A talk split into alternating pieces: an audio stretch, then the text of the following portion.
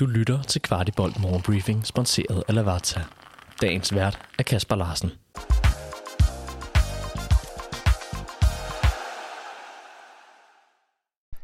Det er fredag, det er den 20. oktober, og endelig Superliga igen.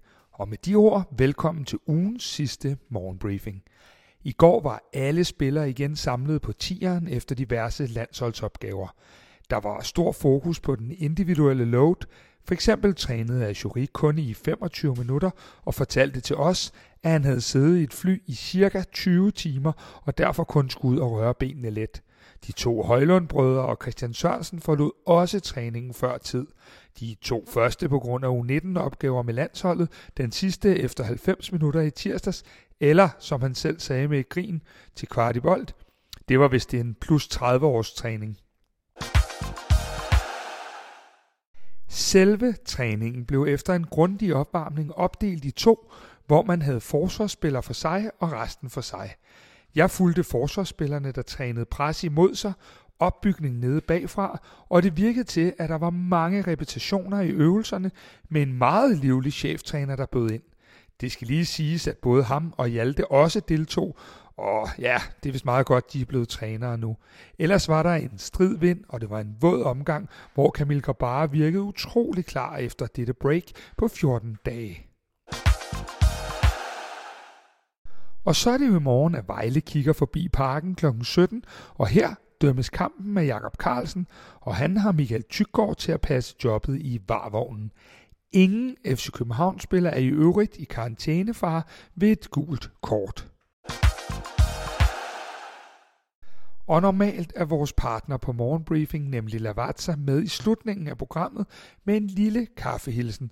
Men i dag er de simpelthen med i selve nyhedsflowet, da de kommer til kampen i morgen og byder på en kop kaffe. Dette foregår nærmere bestemt ved den udsolgte familietribune, hvor de vil være at finde før kampen samt i pausen. Tag godt imod deres Lavazza Chiara og hils dem mange gange for kvartibolt. Og så lige et wow. Mere end 30.000 har allerede sikret sig billet til kampen på lørdag mod Vejle. Dybt imponerende i en tid med mange kampe og efterårsferie. Familietribunen er helt udsolgt, og der er kun meget få billetter tilbage på øvre C. A-tribunen byder stadig på nogle gode pladser, så du skal nok ikke vente for længe med at finde din plads til opgøret. Hvis du for eksempel via ferie selv er forhindret, så husk, at du kan glæde en anden fan med en billet eller frigive din plads i systemet. Som vi fortalte forleden er Jes Torup ny cheftræner i Augsburg. Hans afløser i FC København, Jakob Nestrup, fortalte til pressen forleden, at man i klubben er glade på Jesses vegne, og at alle håber, det kommer til at gå ham godt i det tyske.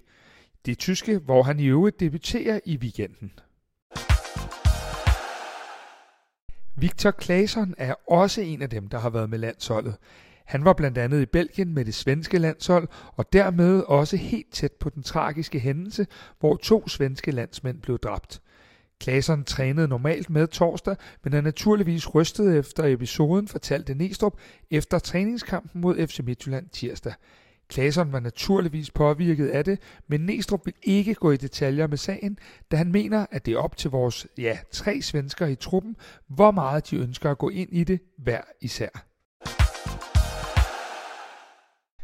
Når du lytter til denne podcast, er der udkommet en ny udgave af vores faste format, Indersiden. Her har vi denne gang besøg af Odi Oskarsson, der fortæller om, hvordan han flere gange var ved at tage hjem i starten af sin FCK-tid, fordi det var en stor omvæltning at komme til et nyt land, samtidig med, at han savnede sine venner i Island. Den ligger i dit podcast feed sammen med optakten til lørdagens dyst.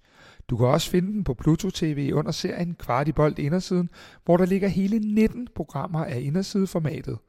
Hver mandag kl. 21 kan du se et nyt afsnit – på mandag skal vi en tur ned ad Memory Lane med Christian Lønstrup, der fortæller om tossede træner i Italien, minderige kampe i København og om en vis træningslejr med Brian Laudrup. Den er premiere mandag kl. 21 på Pluto TV sportskanal og vil være on demand for tirsdag morgen kl. 9. Her til sidst vil jeg lige minde om, at der er en forret lørdag inden Vejlekampen, når vores U19-drenge spiller på hjemmebane mod Esbjerg. Drengene kan med en sejr spille sig op på andenpladsen i ligaen, efter FC Midtjylland, der dog har spillet 10 kampe, eller ja, dobbelt så mange som vores drenge. I vil blandt andet kunne se målscoren fra i tirsdags Neo Jønsson og en masse ungdomslandsholdsspillere på et hold, der rummer så meget talent, at undertegnet til stadighed skal knibe sig selv i armen og huske på, at de alle spiller i hvidt på samme tid. Rigtig god weekend, rigtig god kamp imod Vejle. Vi ses. Du har lyttet til Kvartibolt Morgenbriefing. Vi er tilbage tirsdag morgen med byens bedste overblik over FCK-nyheder.